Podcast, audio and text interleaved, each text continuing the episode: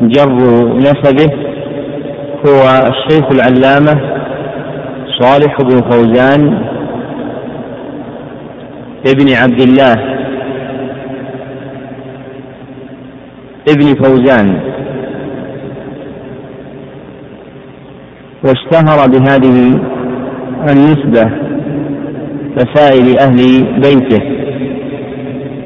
وسبق أن ذكرنا أن من السنن الجاري على خلاف العربية في الأنساب النجدية قولهم الفوزان والعقيل وأشباه هذا لأن النسبة تلزمها ياء فيقال الفوزاني والعقيلي أو يستعاض عن ياء النسبة بالنسبة إلى الأب فيقال ابن فوزان وابن عقيل وابن غديان وهذا هو الأولى من قول الناس اليوم الفوزان والعقيل وأشباه هذا طلبا لموافقة العربية.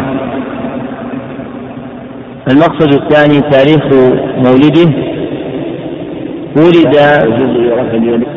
سنة أربع وخمسين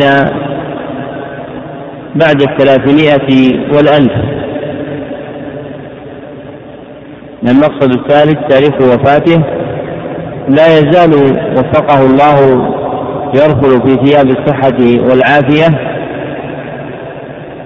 وقد بلغ من العمر أربعا وسبعين سنة. فسبق أن ذكرنا أن إرادة هذا المقصد في حق الأحياء مبني على لزوم نهج واحد في التعليم. المقدمة الثانية التعريف بالمصنف وتنتظم في ثلاثة مقاصد أيضا. المقصد الأول تحقيق عنوانه. طبعت هذه الرسالة في حياة مصنفها باسم مكانة السنة في الإسلام فهو اسمها المختار. المقصد الثاني بيان موضوعه. موضوع هذا الكتاب إيضاح مرتبة السنة في الشرع الحكيم. المقصد الثالث توضيح منهجه كتاب المصنف رحمه الله تعالى منهجه. أشبه في نسقه بالمقالة المتتابعة من التأليف المفصل. فإنه وفقه الله ساقه مساقا واحدا. ازدان بالنعت الذي ازدانت به تآليف أئمة الدعوة الإصلاحية في نجد من كثرة الإيراد للأدلة من القرآن والسنة وهي أجل خصائص معارفهم وعلومهم فإن بركة الوحيين أعظم من بركة كلام كل أحد. نعم. بسم الله الرحمن الرحيم. اللهم اغفر لنا ولشيخنا وللحاضرين. قال المؤلف رحمه الله تعالى بسم الله الرحمن الرحيم. الحمد لله رب العالمين والصلاة والسلام على نبينا محمد خاتم النبيين القائل ألا وإني أوتيت القرآن ومثله معه. أما بعد فإن الله تعالى فإن الله سبحانه وتعالى أرسل رسوله بالهدى ودين الحق بشيرا ونذيرا وسراجا منيرا على حين فترة من الرسل ودروس من السبل فبصر به من العمى وهدى به من الضلالة وبلغ البلاغ المبين حتى ترك أمته على البيضاء ليلها كنهارها. وقال عليه الصلاة والسلام إني تارك فيكم ما إن تمسكتم به لن تضلوا بعدي كتاب الله وسنتي. وقال عليه الصلاة والسلام فإنه من يعش منكم فسيرى اختلافا كثيرا. فعليكم بسنتي وسنة الخلفاء الراشدين المهديين تمسكوا بها وعبوا عليها بالنواجذ. وإياكم ومحدثات الأمور فإن كل محدثة بدعة وكل بدعة ضلالة. إن موضوع حديثنا إليكم في هذه الجلسة المباركة إن شاء الله هو حول السنة النبوية ومكانتها في الإسلام. والسنة في اللغة تطلق ويراد بها الطريقة. قال تعالى فهل ينظرون فهل ينظرون إلا سنة الأولين؟ أي الطريقة أو العادة؟ أو الع... أي الطريقة أو العادة التي جرى عليها حكم الله سبحانه وتعالى في المكذبين المخالفين للرسل؟ فسنة الله فيهم أن يعاقبهم ويأخذهم بالعذاب لما خالفوا الرسل. وقال صلى الله عليه وسلم لما خالف الرسل. فسنة الله فيهم أن يعاقبهم ويأخذهم بالعذاب لما خالفوا الرسل.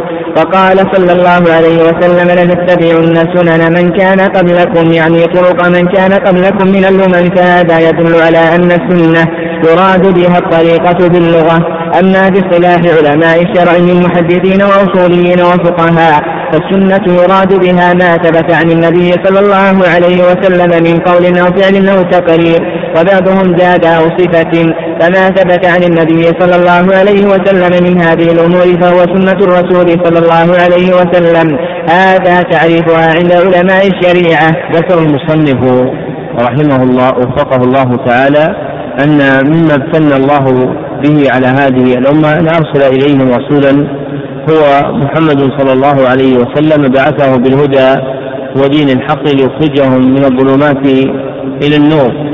وكان من الدين الذي جاء به محمد صلى الله عليه وسلم السنة وهي الأصل الذي نشر المصنف وفقه الله الكلام عنه في هذه الرسالة.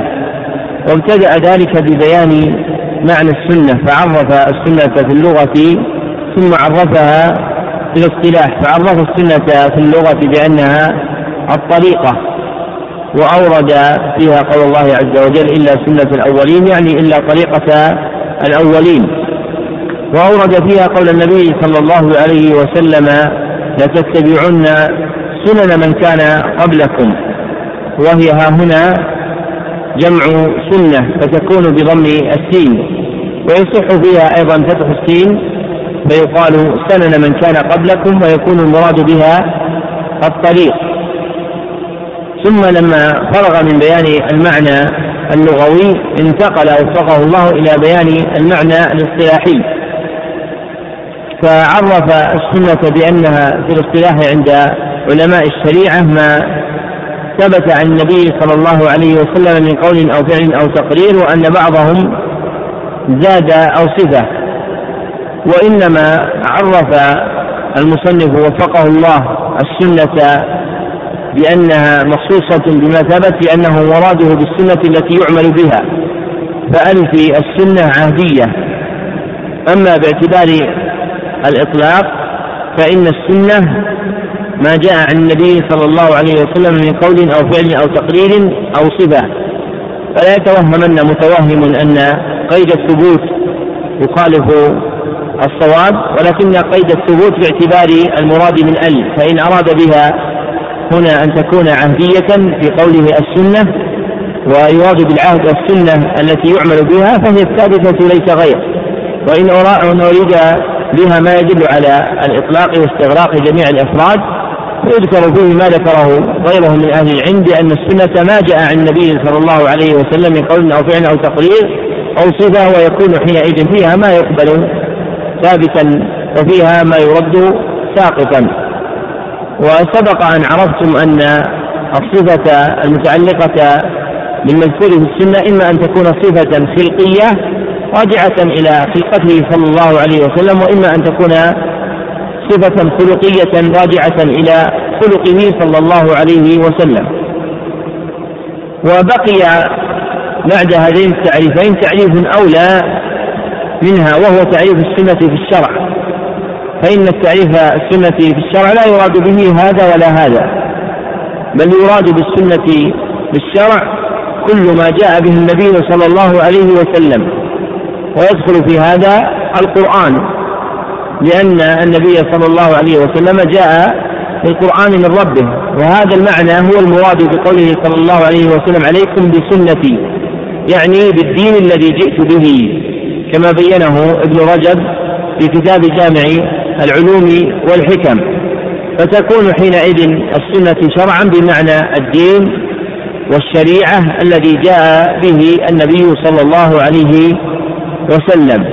فتعرف السنة حينئذ برعاية ثلاث اعتبارات.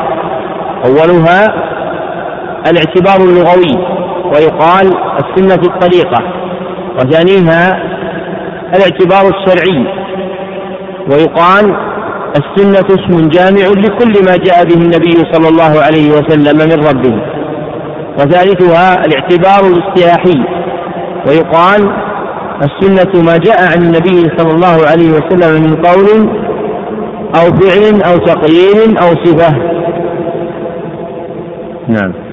أما أهميتها ومكانتها في الإسلام فمكانتها عظيمة ومنزلتها جليلة لأن سنة النبي صلى الله عليه وسلم تأتي بالمرتبة الثانية بعد القرآن لأن أول أصول الدين كتاب الله عز وجل الذي أنزله على رسوله صلى الله عليه وسلم بالهدى والبيان. والأصل الثاني سنة النبي صلى الله عليه وسلم وما بعدهما من أصول الأدلة. وما بعدهما من أصول الأدلة راجع إليهما فأساس أصول الأدلة بالإسلام هما هذان الأصلان العظيمان كتاب الله وسنة رسوله صلى الله عليه وسلم. ولهذا أوصى بهما رسول الله صلى الله عليه وسلم فقال إني تارك فيكم إن تمسكتم به لن تضلوا كتاب كتاب الله وسنتي. وذلك لأن السنة النبوية وحي من الله عز وجل كما قال تعالى وما ينطق عن الهوى إن هو إلا وحي يوحى فالسنة وحي من الله أوحاه إلى رسوله صلى الله عليه وسلم والرسول صلى الله عليه وسلم بلغ هذا الوحي للناس فيما أمر به ونهى عنه. والسنة أيضا تبين القرآن وتفسره وتوضحه فتفصل مجمله وتقيد مطلقه وتخصص عامه وقد تنسخ بعض أحكامه وقد تأتي بأحكام زائدة على ما في القرآن. فلما بين المصنف وفقه الله معنى السنة شرع يبين أهميتها ومكانتها في الإسلام فذكر مما يكشف عن منزلتها في الإسلام أنها أصل مستقل من أصول التشريع وهي تتبوأ المقام الثاني بعد القرآن الكريم. وقد انعقد الإجماع على أن سنة النبي صلى الله عليه وسلم أصل مستقل من أصول التشريع ومنهل ومنهل معتد به من مناهل الأحكام. وذلك أنها قليلة القرآن باشتراكهما جميعا في الإيحاء فالقرآن وحي والسنة وحي وقد دل على أن السنة وحي قوله تعالى وما ينطق عن الهوى إن هو إلا وحي يوحى فهذه الآية قد أخبر الله عز وجل فيها بأن ما جاء به النبي صلى الله عليه وسلم ونطق به فهو من الوحي وليس صادرا من الهوى. ولهذا قال حافظ الحكمي في وسيلة الحصول وفي اللؤلؤ المكنون قال فسنة النبي وحي ثاني عليهما قل أطلق الوحيان. فالقرآن والسنة هما الوحيان. اللذان جاء بهما النبي صلى الله عليه وسلم من ربه. والرسول صلى الله عليه وسلم كما بلغهم القرآن بوحي بلغهم السنة بوحي.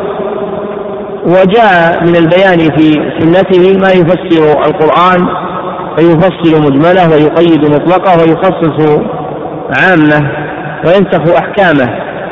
بل يأتي في السنة أحكام زائدة ليست في القرآن وسيذكر المصنف هذا المعنى فيما يستقبل. نعم. ومن هنا تتجلى لنا أهمية السنة حيث إنها حيث إنها تفسير للقرآن وتبيين له كما قال الله سبحانه وأنزلنا إليك الذكر لتبين للناس ما نزل إليهم. الله أنزل القرآن ووكل بيانه إلى رسوله صلى الله عليه وسلم. وهذا البيان هي السنة كما قال تعالى وما أرسلنا من رسول إلا بلسان قومه ليبين لهم. وهذه الأمة جاء رسولها ليبين لها. ومن أمثلة هذا البيان أن الله عز وجل أمر بالصلاة في القرآن لكنه لم يبين عدد ركعات الفجر والظهر والعصر والمغرب والعشاء.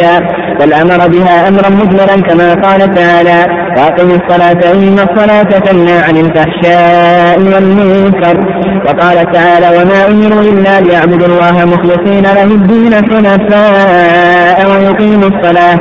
وقال تعالى فإن تابوا وأقاموا الصلاة الآيات في هذا كثيرة وكذلك أمر بإقام الصلاة لكنه لم يبين مواقيتها. وإن كان سبحانه ذكر المواقيت ذكرا مجملا كما في قوله سبحانه وتعالى أقم الصلاة لدلوك الشمس إلى غسق الليل وقرآن الفجر. إن قرآن الفجر كان مشهودا. وقوله تعالى فسبحان الله حين تمسون وحين تصبحون وله الحمد في السماوات والأرض وعشيا وحين تظهرون فهذا ذكر للأوقات لكنه ذكر مجمل والذي بين هذا الإجمال. سنة الرسول صلى الله عليه وسلم. فقد صلى بأصحابه وقال صلوا كما رأيتموني يصلي. فبين صلى الله عليه وسلم بهذا أعداد ركعات الصلوات فنصلي كما صلى عليه الصلاة والسلام. نصلي الظهر أربع ركعات وبالسبر ركعتين قصرا والعصر أربع ركعات وبالسبر ركعتين قصرا. والمغرب ثلاث ركعات بالسبر والحضر ولا تقصر والعشاء أربع ركعات بالحضر وركعتان بالسبر قصرا والفجر ركعتان في وفي السفر وأما من حيث المواقيت فقد بين الرسول صلى الله عليه وسلم المواقيت. يصلى الظهر لميقاتها والعصر لميقاتها والمغرب لميقاتها والعشاء لميقاتها والفجر لميقاتها. كما ثبت في الحديث الصحيح أن جبريل عليه السلام أن النبي صلى الله عليه وسلم في أول الوقت وفي آخره. وقال الصلاة بين هذين الوقتين. فبين صلى الله عليه وسلم لنا الصلاة عددا وصفة ووقتا. فبدون سنة الرسول صلى الله عليه وسلم لا يمكن أن نعرف صلة الصلاة ومواقيتها فإن كنا عرفنا وجودها في القرآن الكريم. وإن كنا عرفنا وجودها من القرآن الكريم مما يدلنا على أن الله وكل بيانها لنبيه صلى الله عليه وسلم وهو بيان عملي وبيان قولي. ولهذا لما جاء جماعة من الذين ينكرون السنة من الخوارج إلى عمر بن عبد العزيز رضي الله عنه وناظره في وجوب الاحتجاج بالسنة قال لهم عمر رضي الله عنه الله جل وعلا أمرنا بالصلاة بالقرآن فكيف نصلي؟ هاتوا لي آية من القرآن تبين كيفية الصلاة. فعند ذلك انتهت وانقطعت حجتهم وألزمهم بوجوب الاحتجاج بالسنة. ومثل الصلاة أيضا أن الله جل وعلا أمر بالزكاة بالقرآن فكيف نعرف الأموال التي تجب فيها الزكاة؟ هذه المعرفة لا تمكن إلا بالسنة وقد بين صلى الله عليه وسلم الزكاة وأنها تجب في الذهب والفضة والحبوب والثمار وبهيمة الأنعام وعروض التجارة وأنها لا تجب في كل الأموال وإنما تجب في هذه الأموال النامية التي هي الحبوب والثمار والنقدان. وسائمة بهيمة الأنعام كما بين صلى الله عليه وسلم المقدار الذي يؤخذ في الزكاة فمثلا في زكاة الحبوب والثمار والخارج من الأرض يؤخذ العشر أو نصف العشر بحسب بحسب المؤونة وعدمها. ومن الذهب والفضة يؤخذ ربع العشر ومن الغنم في كل أربعين شاة شاة. وهكذا بين باقي أنصبتها وفي الإبل بين صلى الله عليه وسلم نصوبها. ففي خمس في خمس من الإبل شاة. وفي العشر شاتان وفي الخمس عشرة ثلاث شياه.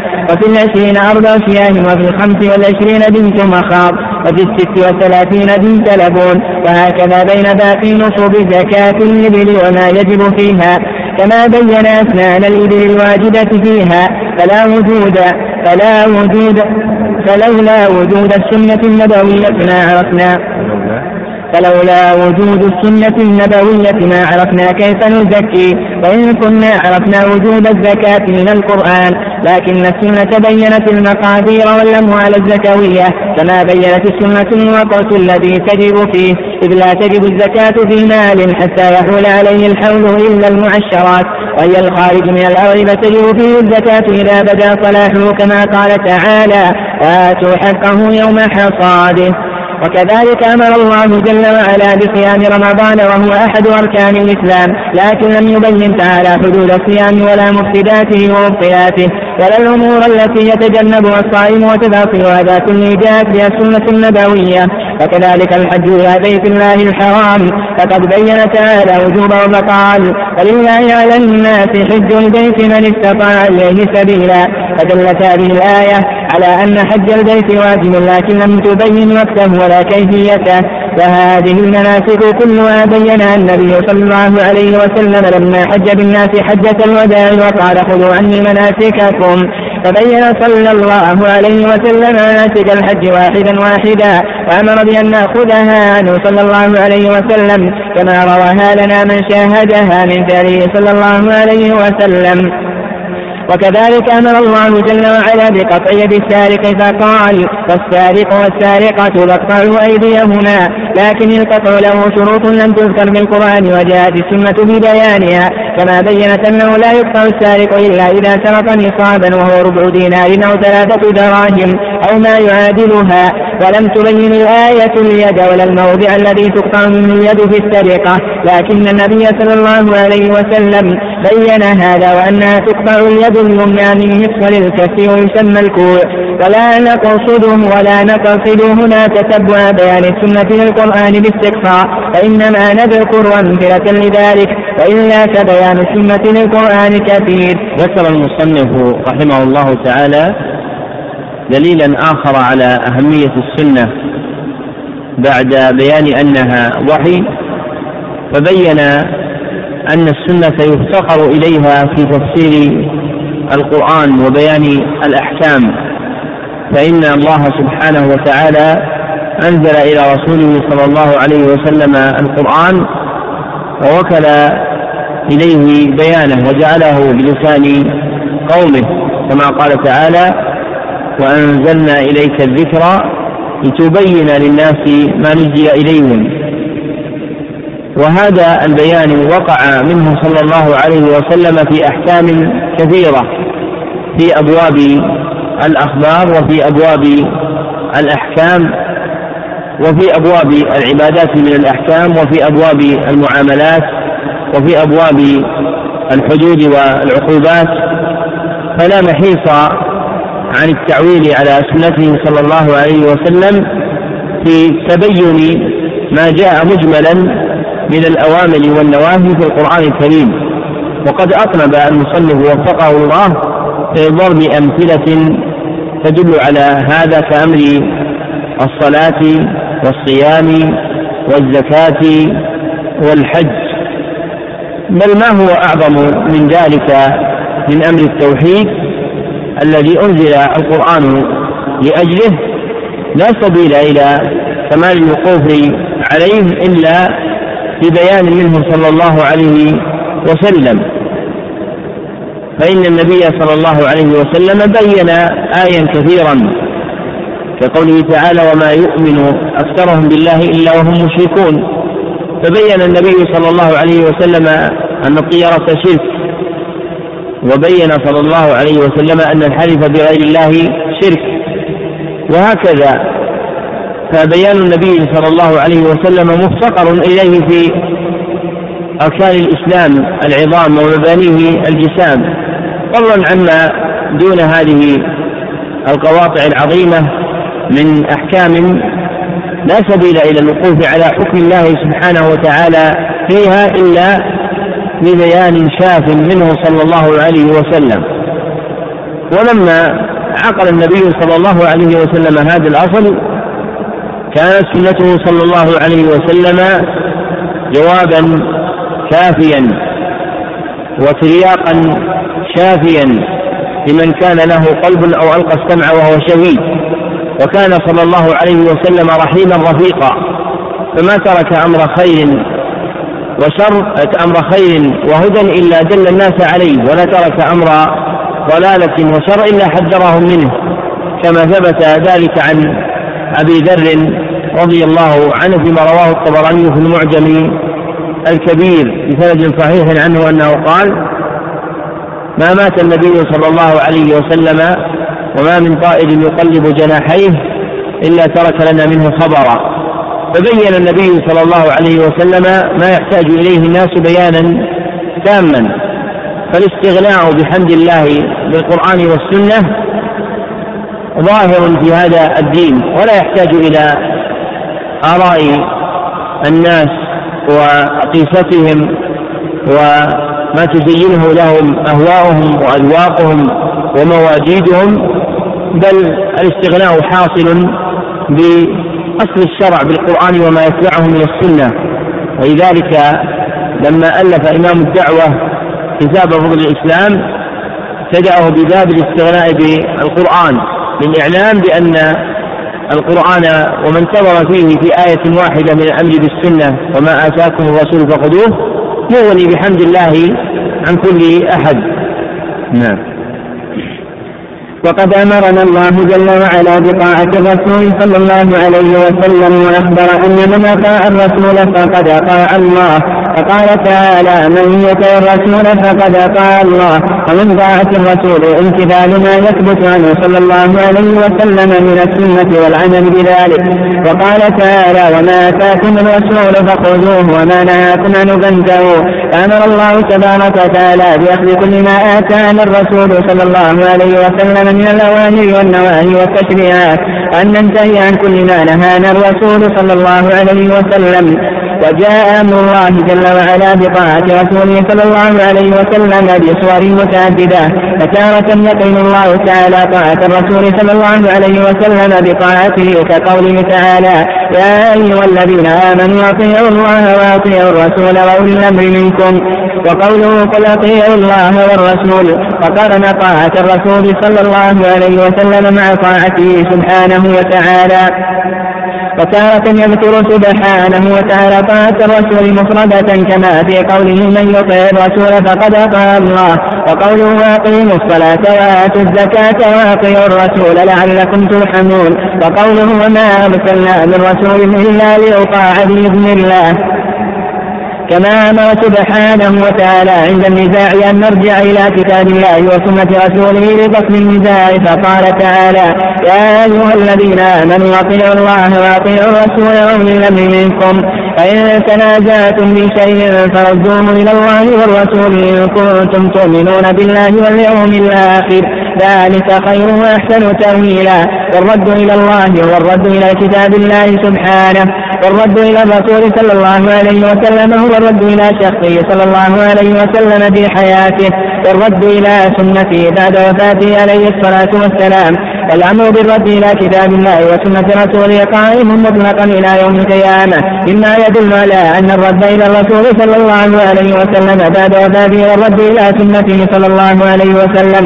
فهذا يدل على أن السنة مصدر فصل فهذا يدل على أن السنة مصدر فصل النزاع بين الأمة إذا اختلفوا في حكم من الأحكام.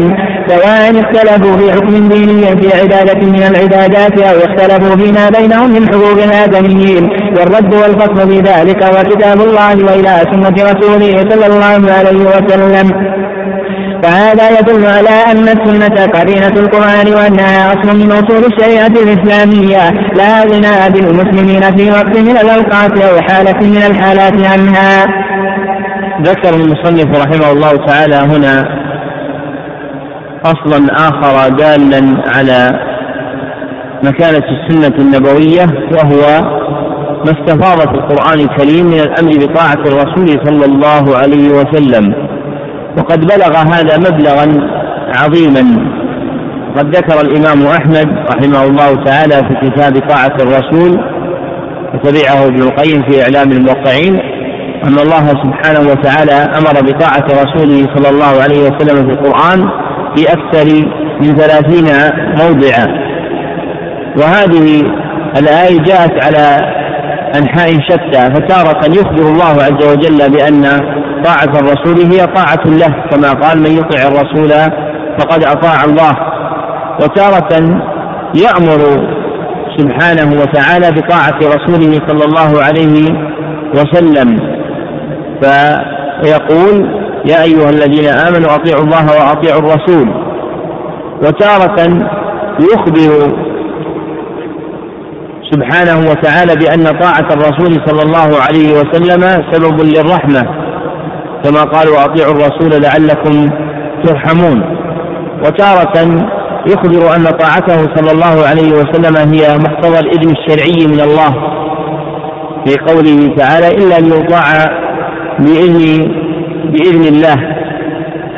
وتارة يأمر الله سبحانه وتعالى بالرد إليه صلى الله عليه وسلم في النزاع كما قال تعالى يا أيها الذين آمنوا أطيعوا الله وأطيعوا الرسول وأولي الأمر منكم. فإن تنازعتم في شيء فردوه إلى الله والرسول. وقال تعالى أيضا في سورة النساء وإذا جاءهم أمر من الأمن أو الخوف أذاعوا به. ولو ردوه إلى الرسول وإلى أولي الأمر منهم لعلمه الذين يستنبطونه منهم فأمر بالرد إليه صلى الله عليه وسلم. والرد إلى الرسول صلى الله عليه وسلم هو الرد إلى سنته بحكمه في حال حياته أو بحكم العلماء العارفين بها بعد وفاته. فقوله تعالى فردوه إلى الله والرسول يعني ردوه إلى الكتاب والسنة والسنة كان القائم عليها حال حياته هو صلى الله عليه وسلم. فلما مات صلى الله عليه وسلم فإن العلماء ورثته في القيام عليها فيجب الرد إليهم. وهنا نكتة لطيفة وهي هل تعرفون في آية القرآن آية جاء فيها الأمر بطاعة النبي بلفظ النبي. هل في القرآن يا أيها الذين آمنوا أطيعوا النبي؟ هل فيها الجزاء من يطع النبي؟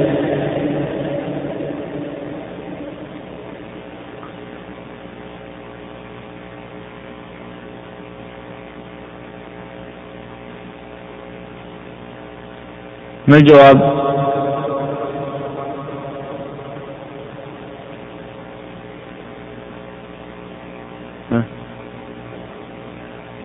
ها يا مسعد. لا يوجد. لا يوجد. لكن لماذا لا يوجد؟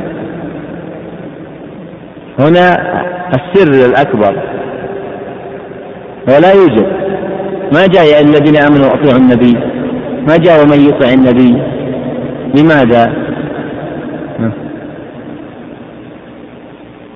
ها؟ كيف التفريق؟ النبي مبعوث والرسول مبعوث كما ذكرناه اليوم.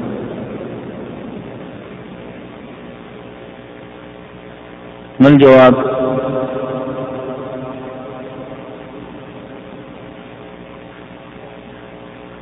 سم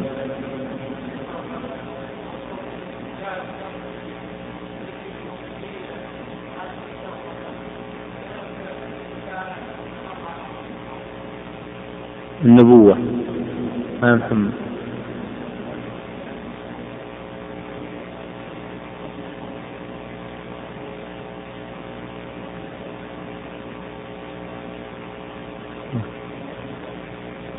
إيه؟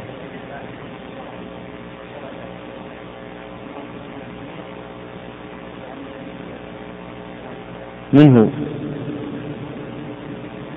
والرسول. ما فهمت هذا أعد. لو سمحت.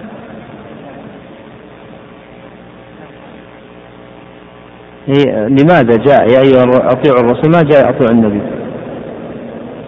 الرسول يطاع في كل شيء والنبي يطاع في الدين ولا يطاع في الدنيا؟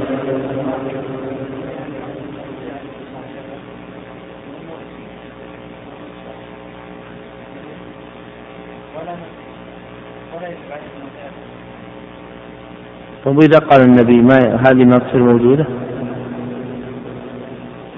ما هو عبد العزيز؟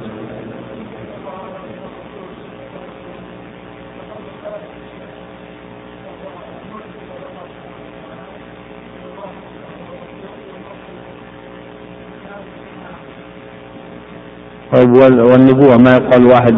المنبي والنبي والمنبأ به. ما يا أخي؟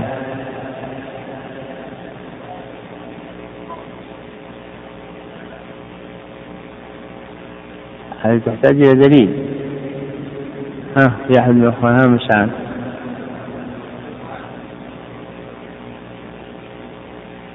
طيب وأيضا ليش ما قلنا طاعته فيما نبئ به؟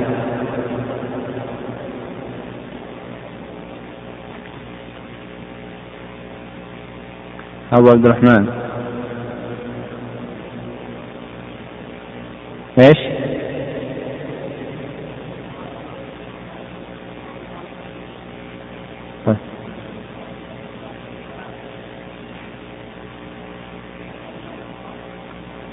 هذا سامي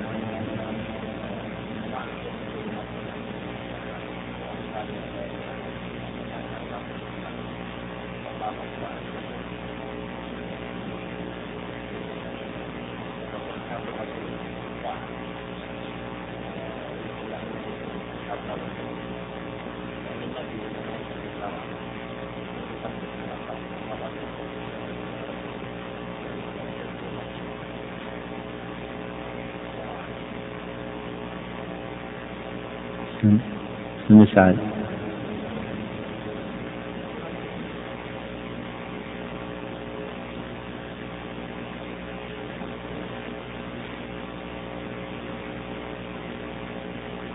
نعم.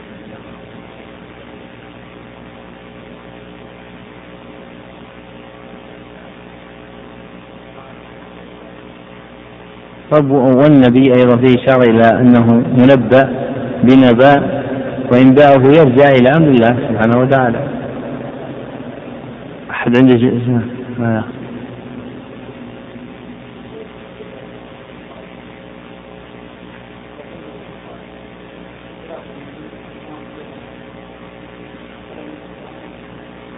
هذا هذا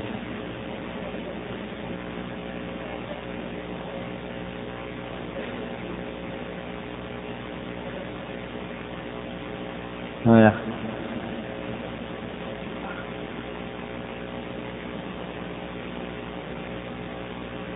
طيب وإذا كان أعم ليش ما قال مرة واحدة في القرآن ما فيه يا أيها النبي؟ يعني ما فيه أطيعوا النبي أقصد فيها يا أيها النبي تقل لكن ما فيها أطيعوا النبي. هيا موافق.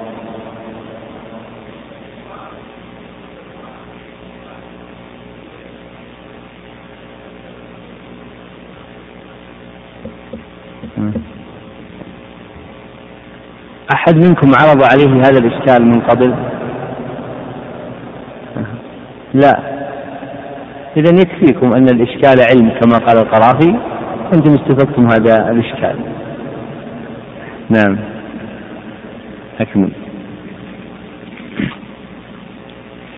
وقد توعد الله سبحانه الذين يخالفون سنة النبي صلى الله عليه وسلم بالوعيد فقال وما آتاكم الرسول فخذوه وما نهاكم عنه فانتهوا واتقوا الله إن الله شديد العقاب.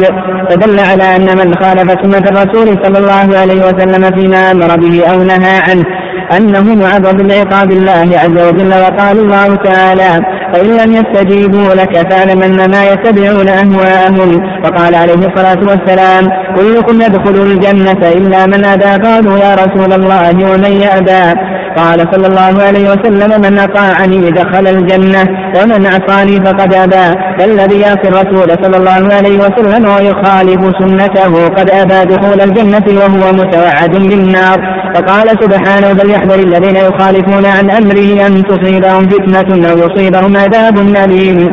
فهذا وعيد شديد لمن خالف أمر الرسول صلى الله عليه وسلم بأحد أمرين. الأمر الأول أن تصيبه فتنة في قلبه فيزيغ عن الحق ويكفر بعد الإيمان ويفسد قلبه بزيغ وضلال فلا يهتدي للحق بعد ذلك لأنه خالف أمر الرسول صلى الله عليه وسلم. وهذه عقوبة أشد من التي بعدها. الأمر الثاني في قوله تعالى أو عذاب أليم. والعذاب إما أن يكون في الدنيا بالقتل والأمراض والهلاك الذي يحل بالكفار الذين خالفوا أمر الرسول صلى الله عليه وسلم. والعذاب الثاني يكون في الآخرة. ولا مناص لمن خالف أمر الرسول صلى الله عليه وسلم متعمدا من العقوبتين. عقوبة في القلب والعياذ بالله وعقوبة بالبدن أو في المال إما بالموت والهلاك أو بتلف الأموال والأنفس. وهذا وعيد شديد لمن خالف أمر الرسول صلى الله عليه وسلم. ويقول تعالى وما كان لمؤمن ولا مؤمنة إذا قضى الله ورسوله أمرا أن يكون لهم الخيارة من أمرهم. ومن يعص الله ورسوله فقد ضل ضلالا مبينا. فهذا بيان من الله سبحانه لحال المؤمن. فهو إذا علم حكم الله وحكم رسوله صلى الله عليه وسلم فليس له خيار في الأمر الذي يفيد الوجوب في أن يعمل به بل يقبله راضيا مطمئنا منشرحا صدره فرحا به. فليس له خيار إن شاء فعل وإن شاء لم يفعل لأن أمر الله ورسوله كله هدى وخير. فإن لم يعمل بذلك وزعم أنه بالخيار فقد ضل ضلالا مبينا والضلال ضد الهدى ووصف الضلال هنا بأنه ضلال مبين يعني واضح لأنه خالف طريق الصواب الذي هو أمر الله الذي هو أمر الله ورسوله صلى الله عليه وسلم وطريق الضلال هو مخالفة أمر الله ورسوله صلى الله عليه وسلم ومما يبين عقوبة من خالف أمر الله ورسوله صلى الله عليه وسلم حديث الرجل الذي كان يأكل بيده اليسرى فأمره النبي صلى الله عليه وسلم أن يأكل بيمينه. فقال الرجل لا أستطيع وهو كاذب في ذلك إذ كان يستطيع لكن منعه الكبر من امتثال السنة. فقال النبي صلى الله عليه وسلم لا استطعت.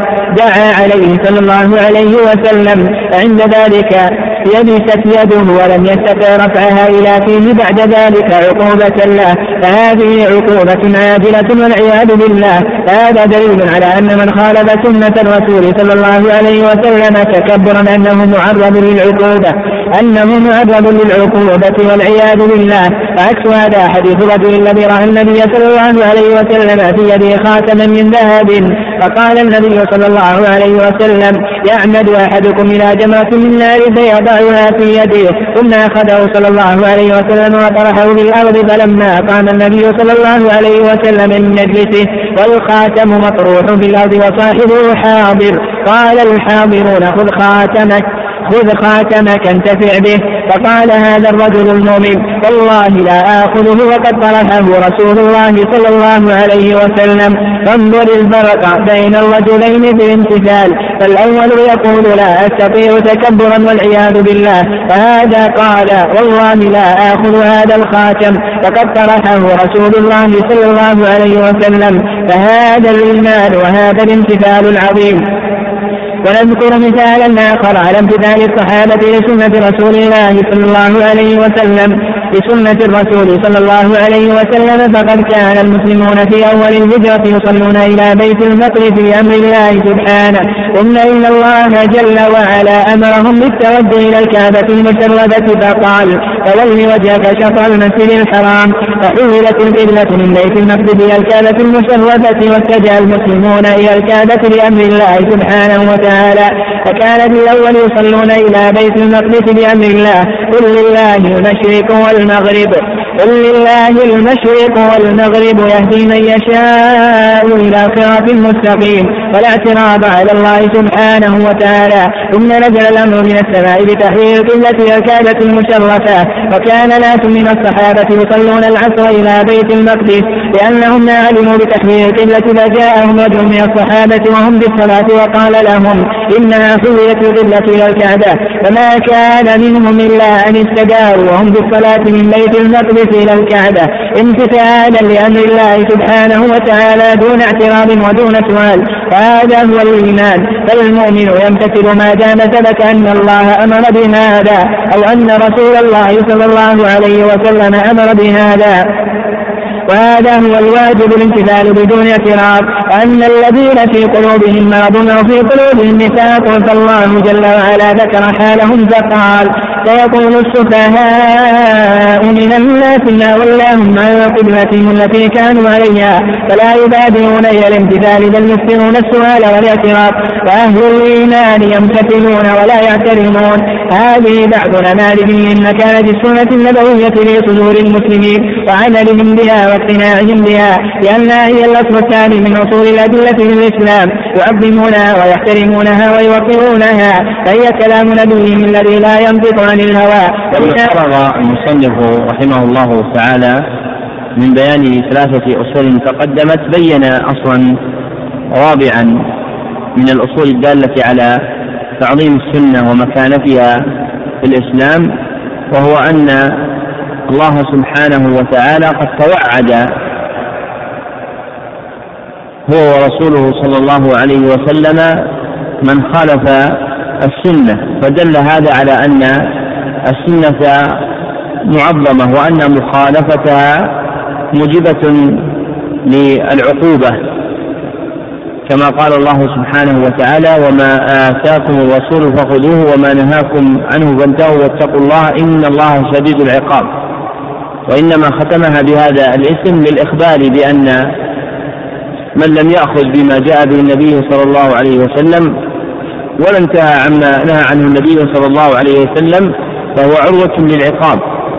وهذا هو الذي صرح به سبحانه وتعالى في سورة النور فقال فليحذر الذين يخالفون عن أمره أن تصيبهم فتنة أو يصيبهم عذاب أليم.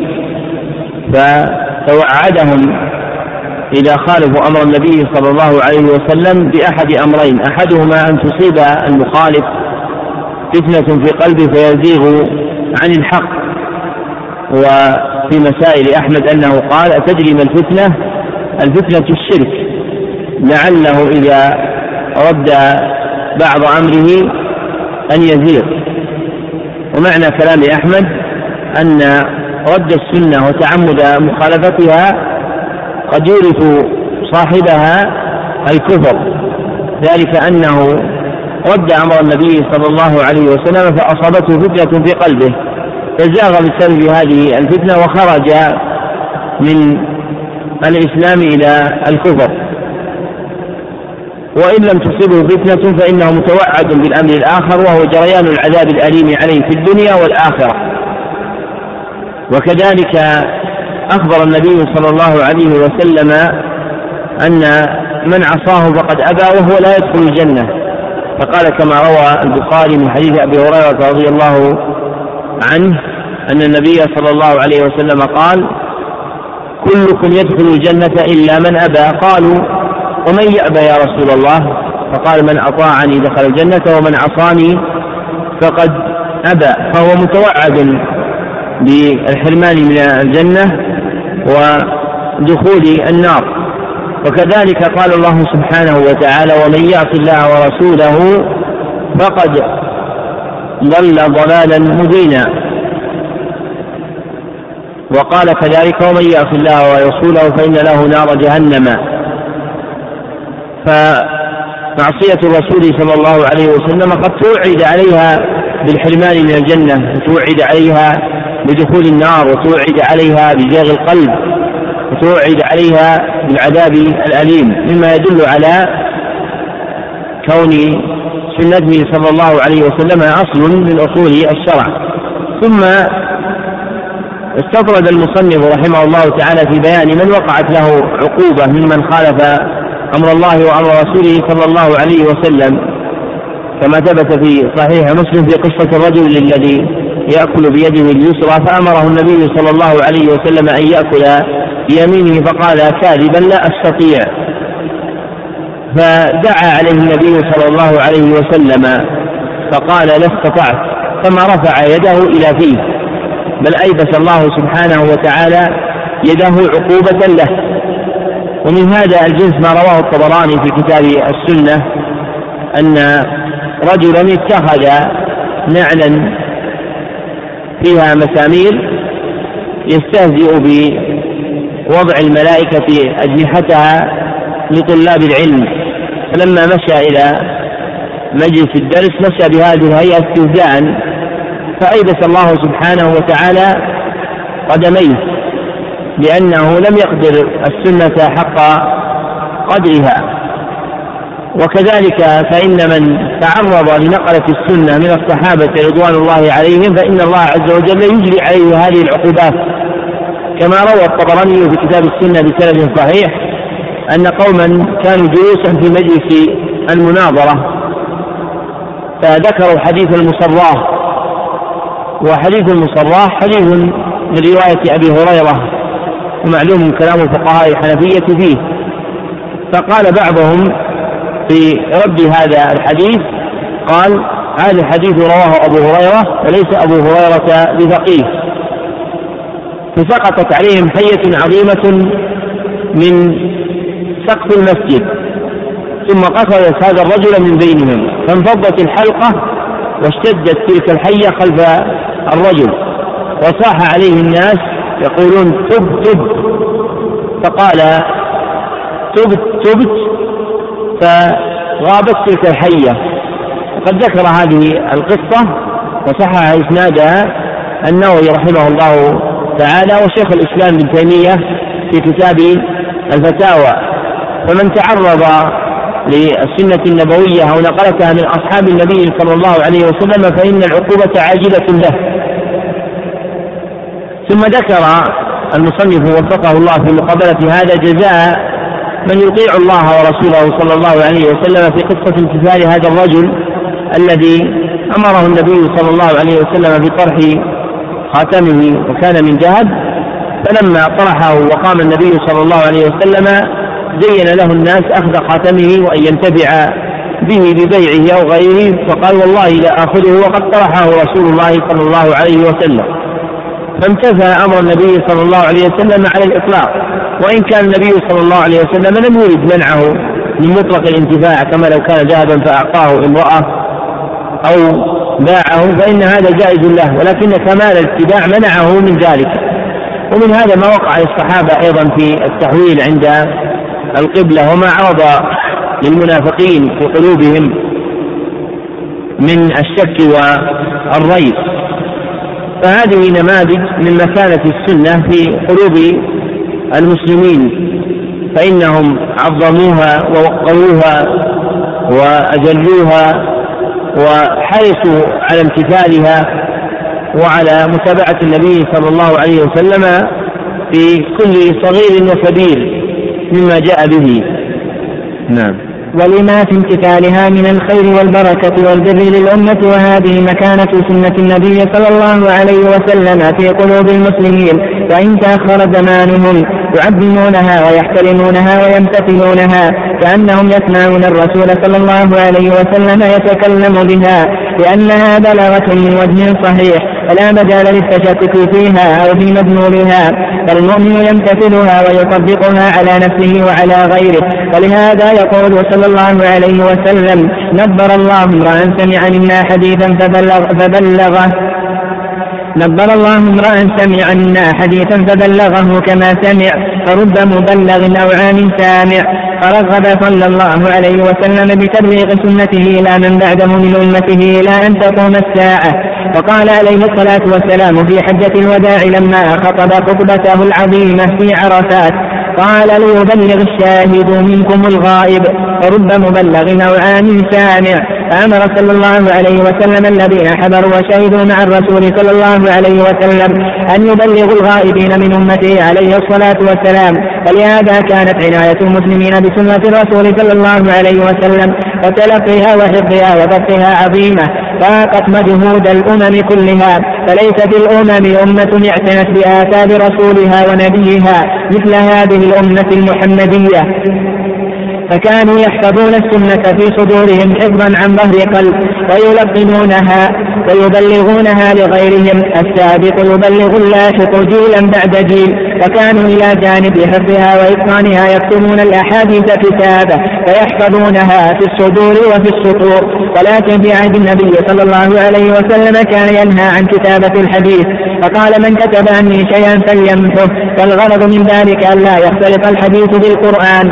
فكان ينهى عن كتابة الحديث لئلا يظن لئلا يظن أنه من القرآن. ثم إنه أذن لبعض الأشخاص بالكتابة من صحابته كعبد الله بن عمرو بن العاص إذ كان يكتب ما يسمعه من النبي صلى الله عليه وسلم. ولهذا كان عبد الله بن عبد بن العاص من أكثر الصحابة رواية لأنه كان يكتب الأحاديث التي يسمعها.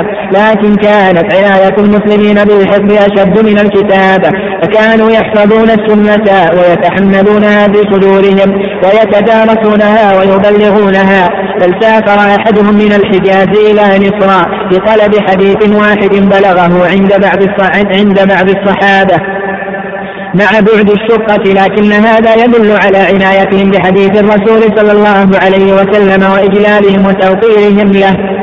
وبعد ذلك في عهد الخليفة الراشد عمر بن عبد العزيز بدأ تصنيف الحديث وكتابته. ثم تطورت بعد ذلك كتابة الحديث فألفت الصحاح والمسانيد والجوامع والمعاجم بسنة النبي صلى الله عليه وسلم فتكونت دواوين السنة الموجودة الآن والحمد لله بأيدي المسلمين اليوم. فهذا المجهود العظيم الذي قام به حفاظ الأمة فحفظ الله تعالى بهم هذه السنة النبوية من الزيادة والنقصان فحرسوها من الوضاعين والكذابين فألفوا فيها المؤلفات العظيمة التي لا توجد عند أمة من الأمم غير المسلمين ووضعوا ضوابط دقيقة لقبول الرواية وبينوا أحوال الكذابين والوضاعين والضعفاء والمتروكين في الرواية وهذا الحفظ للسنة ومن حفظ الله سبحانه لكتابه. فهذا الحفظ للسنة ومن حفظ كتاب الله كما قال تعالى إنا نحن نزلنا الذكر وإنا له لحافظون. فكما أن الله حفظ القرآن من أن يزاد فيه أو ينقص فكذلك حفظ سنة الرسول صلى الله عليه وسلم. فكذلك حفظ سنة الرسول صلى الله عليه وسلم برواتها لأنها تبين القرآن وتوضحه وتفسره. فهذا من رحمة الله بهذه الأمة حيث حفظ لها هذين المصدرين العظيمين الكتاب والسنة النبوية. لما بين المصنف وفقه الله منزلة السنة في الإسلام واستطرد في ذكر أحوال المؤمنين في امتثال السنة رجع حفظه الله إلى بيان أمر آخر وهو بيان ما أدت إليه تلك المكانة في نفوس المسلمين تجاه السنة. فأخبر أن هذه المكانة التي عقلها المؤمنون بسنة النبي صلى الله عليه وسلم أورثتهم تعظيمها واحترامها وامتثالها والحرص على نقلها وتبليغها والظفر بدعاء النبي صلى الله عليه وسلم لمن بلغ منها شيئا كما في الحديث الصحيح الذي رواه بعض أصحاب السنن أن النبي صلى الله عليه وسلم قال نظر الله امرأ سمع منا حديثا فبلغه كما سمع فرب مبلغ أوعى من سابع سامع فأتمروا بترغيبه صلى الله عليه وسلم وأمره في البلاغ فاعتنوا بحفظ سنته وبلغت عنايتهم بحفظ السنة مبلغا لم تبلغه أمة من الأمم من قبل ولا من بعد. فكان حفظهم للسنة أعجوبة من الأعاجيب. وكل حافظ من حفاظ السنة فإنه دليل من أدلة صدق نبوته صلى الله عليه وسلم. فإن الله عز وجل وهبهم من القدر والآلة ما يحفظون به الآلاف المؤلفة من الأحاديث فتجد أحدهم يذكر في ترجمته أنه يحفظ مئة ألف بل منهم من كان يقال يحفظ مئتي ألف بل منهم من قيل إنه يحفظ خمسمائة ألف ومنهم من قيل فيه كأحمد إنه يحفظ ألف ألف. ولا قدرة للمخلوق بطبعه البشري على مثل هذا ولكن الله سبحانه وتعالى يؤيدهم بقوة من عنده وروح من رحمته فيمكن لهم حفظ سنة النبي صلى الله عليه وسلم. فحفظ أولئك سنة النبي صلى الله عليه وسلم ونقلوها حفظا ثم دونوا في ذلك التصانيف واجتهدوا في جمعها وركبوا في ذلك الأهوال وخاضوا في البحار. وجالوا في القفار بما لم يشاركهم فيه أحد من نقلة الفنون فإنه ليس لأحد من المفاخر والمآثر الكريمة كما لأصحاب الحديث وما ذلك إلا لشدة لزومهم لسنة النبي صلى الله عليه وسلم فهم يمشون لأجلها على الأقدام. المسافة الطويلة كما قال أبو حاتم الرازي لما ذكر رحلته.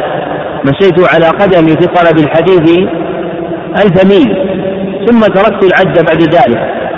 وينفقون فيها الأموال الطائلة كما قال يحيى بن معين ورثت عن أبي ألف ألف درهم. فأنفقتها في طلب الحديث. فصار لهم من المقام الحميد والمنزلة الرفيعة في الدنيا وما يرجى لهم في الآخرة بسبب حرصهم على حفظ سنة النبي صلى الله عليه وسلم. ودونوا في ذلك الصحاح والسنن والمسانيد في مدة مديدة. وتحقق وعد الله سبحانه وتعالى بحفظ السنة كما حفظ القرآن. فإن قول الله سبحانه وتعالى إنا نحن نزلنا الذكر وإنا له لحافظون لا يختص في أصح قولي العلماء بالقرآن بل الذكر اسم يشمل القرآن والسنة كما اختاره جماعة من المحققين منهم ابن حزم وابن قاسم العاصمي الحنبلي رحمهم الله. فحفظت السنة كما حفظ القرآن وكان حفظ السنة بتأييد إلهي كما حفظ القرآن بتأييد إلهي. حتى قال ابن المبارك لو أن رجلا بات ليلته يحدث نفسه بأنه يكذب على النبي صلى الله عليه وسلم لأصبح والناس يقولون فلان كذاب. وهذا إنما وقع ويقع بتأييد من الله سبحانه وتعالى وفضح للأدعياء. وهذا كما يكون في الصدر الأول يكون في كل قرن. ولذلك فإن بعض الناس يقولون في الاعتراض على الرواية بالإجازات مثلا والسماعات في هذا الزمان يقال ما يدرين أن فلان أخذ إجازة من فلان. فنقول بحمد الله دل على ذلك حفظ الله عز وجل للدين. ولا انتصب أحد فكذب في شيء ولو في إجازة واحدة فإن الله سبحانه وتعالى يفضحه. ولكل زمن جهابذة والله عز وجل يميز المحق من المبطل. فلا خوف بحمد الله على دين الله عز وجل وإنما الخوف على المنتسبين إليه. نعم. ويجب الحذر من طائفة من المضللين الذين ظهر أمرهم وشرهم في هذا الزمان. يشككون في سنة الرسول صلى الله عليه وسلم فيقولون إن القرآن يكفينا ولا حاجة إلى السنة ويحتجون بقوله تعالى ما فرطنا في الكتاب من شيء وبقوله تعالى تبيانا لكل شيء ولأن السنة بزعمهم ليست متواترة إنما رويت من طريق الآحاد. الرواة يخشى منهم الغلط والكذب.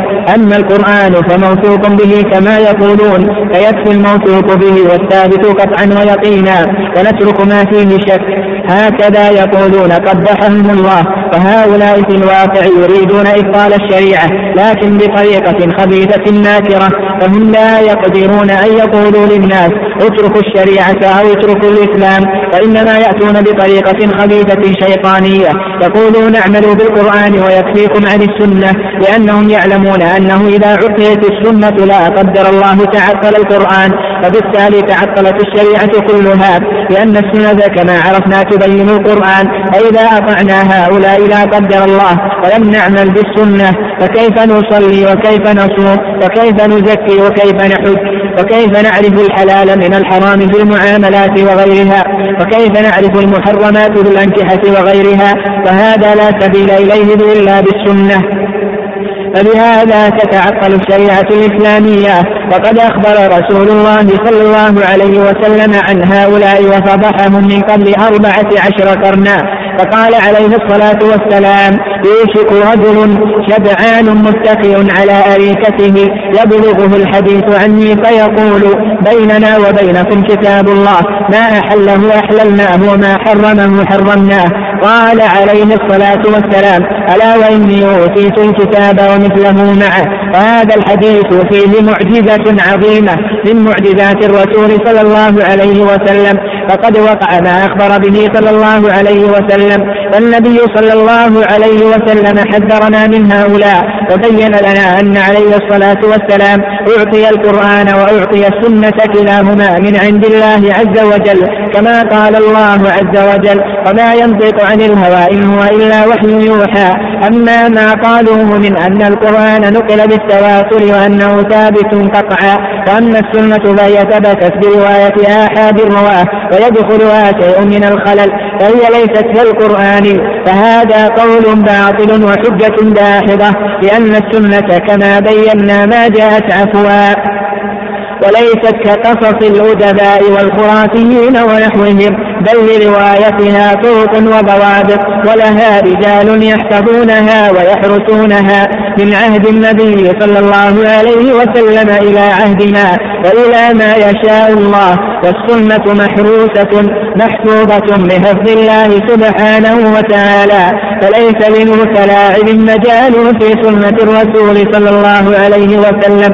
وسبق أن حفاظ السنة وسبق أن حفاظ السنة بينوا أحوال كل كذاب وضعيف وبينوا حال الثقات الذين دخل على روايتهم بعض الوهم أو حصل لهم ما يضعف روايتهم كالمدلسين والمختلطين. فالسنة في نفوس المسلمين أعظم من أن تنالها الأيدي اللثيمة أو أن يتناولها الكذابون والوضاعون. فلا تزال والحمد لله كما رويت عن رسول الله صلى الله عليه وسلم تتناقل الثقات عن الثقات وهي مدونة في دواوين السنة فبهذا يندفع تشبيه هؤلاء المشبهين والدجالين فتبقى سنة الرسول صلى الله عليه وسلم صحيحة ثابتة عنه لا يتطرق إليها خلل أو شك وهذا من فضل الله عز وجل ومنته على خلقه. ذكر المصنف وفقه الله في هذه الجملة تحذير من طائفة خرجت في القرون الأخيرة في البلاد الهندية ثم انتقلت إلى البلاد العربية يقال لهم القرآنيون يزعمون الاكتفاء بالقرآن الكريم. وقد رد المصنف باطل هؤلاء على وجه الاختصار من وجوه ثلاثة. أولها أن مآل هذا القول هو تعطيل الشريعة الإسلامية. لأن تعطيل العمل بالسنة يؤول إلى تعطيل العمل بالقرآن لأن القرآن مفتقر في مواضع كثيرة إلى بيان السنة. والثاني أن هؤلاء قد أخبر عنهم النبي صلى الله عليه وسلم وحذرنا منهم وفضحهم كما ثبت عنه في الأحاديث الصحيحة ومنها ما ذكره المصنف ها هنا. وثالثها أن هؤلاء إنما سوغ لهم باطلهم اعتقادهم بأن نقل السنة مدخول والحق أن عقولهم هي المدخولة فإن السنة لم تنقل نقل الحكايات والقصص بل جعل لنقلها منهج مضبوط بطرق ومسالك معروفة واشترط لرواتها ولقبولها من الشروط القيود الثقيلة التي لم يشاركها فيها خبر من خبر البشر. فمثل هذه القيود الثقيلة في قبول السنة تدل على أنها محفوظة مضبوطة ولم تزل بحمد الله في قرون تاريخ الإسلام منقولة بالضبط والحفظ ولا يمكن لمجترئ أن يتجرأ على أن يدخل في السنة شيئا ليس منها بل يفضحه الله سبحانه وتعالى ويتصدى له العلماء. ويخرج الله سبحانه وتعالى من يتبع باطله. وقد نبه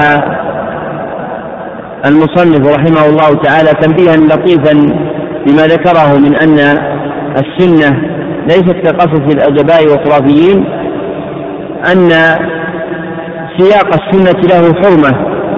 فلا يجوز أن يتساهل الإنسان بالألفاظ التي تعبر عنه حتى يجعل التعبير عن السنة كتعبير أهل القصص من أهل الأدب والخرافة. بل إذا روى في المعنى فإنه يحتشم في الألفاظ التي يعبر بها عما جرى منه صلى الله عليه وسلم أو جرى من أصحابه رضوان الله عنهم. نعم. ومن طعن في سنة رسول ومن طعن في سنة الرسول صلى الله عليه وسلم وزعم أنه لا يجوز العمل بها وإنما يعمل بالقرآن وحده. فهذا كافر لأنه جحد الأصل الثاني من أصول الشرع وهو سنة الرسول صلى الله عليه وسلم. فكأن حاله يقول لا تطيعوا الرسول بل أطيعوا الله فقط. وبالتالي هو لم يطع الله لأن الله أمر بطاعة الرسول صلى الله عليه وسلم.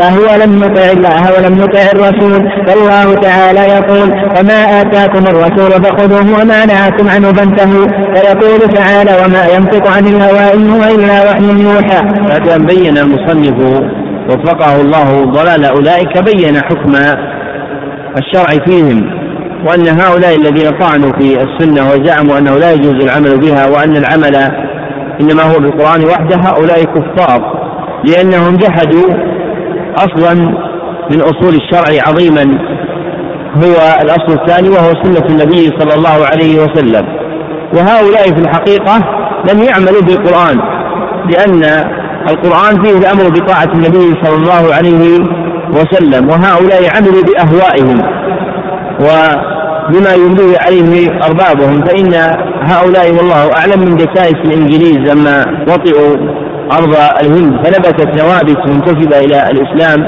القديانية والبهائية والقرآنية وإنما دسهم أعداء الله لإبطال الدين. نعم. وهناك طائفة خرجت علينا الآن من المتعالمين الذين لم يتلقوا العلم عن العلماء وإنما أخذوه من الكتب وتتلمذوا على الأوراق وصاروا يعبثون بسنة الرسول صلى الله عليه وسلم يصححون ويضعفون ويخرجون وليس عندهم رصيد من علم الحديث ومصطلحه. فهؤلاء يخشى منهم على السنة أشد مما يخشى من الطائفة الأولى لأن الطائفة الأولى جهلها واضح وهؤلاء يتسترون بدعوى العلم والاطلاع فلا حول ولا قوة إلا بالله. نسأل الله عز وجل أن يمن على الجميع بالتوفيق للعلم النافع والعمل الصالح وأن يلهمنا رشدنا وأن يرينا الحق حقا ويرزقنا اتباعه ويرينا الباطل باطلا ويرزقنا اجتنابه. إنه على كل شيء قدير. وصلى الله وسلم على نبينا محمد. ختم المصنف رحمه الله تعالى كتابه هذا بتصحيح نابتة نبتت. من النوابت التي تسلطت على سنة النبي صلى الله عليه وسلم وهي طائفة من المتعالمين الذين أخذوا علمهم عن الكتب وتزلمدوا للأوراق وتجرأوا على الحكم على مراتب الأحاديث والعبث بسنة النبي صلى الله عليه وسلم وبتراث علماء الإسلام وليس عندهم معرفة بالحديث ولا طريقة أهله. وهؤلاء هم أيضا خطر على السنة كما أن أولئك خطر على السنة وخطر هؤلاء أيضا أشد لأن أمرهم ملتبس على الناس. وأما الأولون فجهلهم واضح لأن المسلمين مفتورون على طلب طاعته صلى الله عليه وسلم. وليس هذا الشيء الذي ذكره المصنف رحمه الله تعالى مشتملا على التهويل كما قد يتوهمه سامع. بل هذه الحقيقة.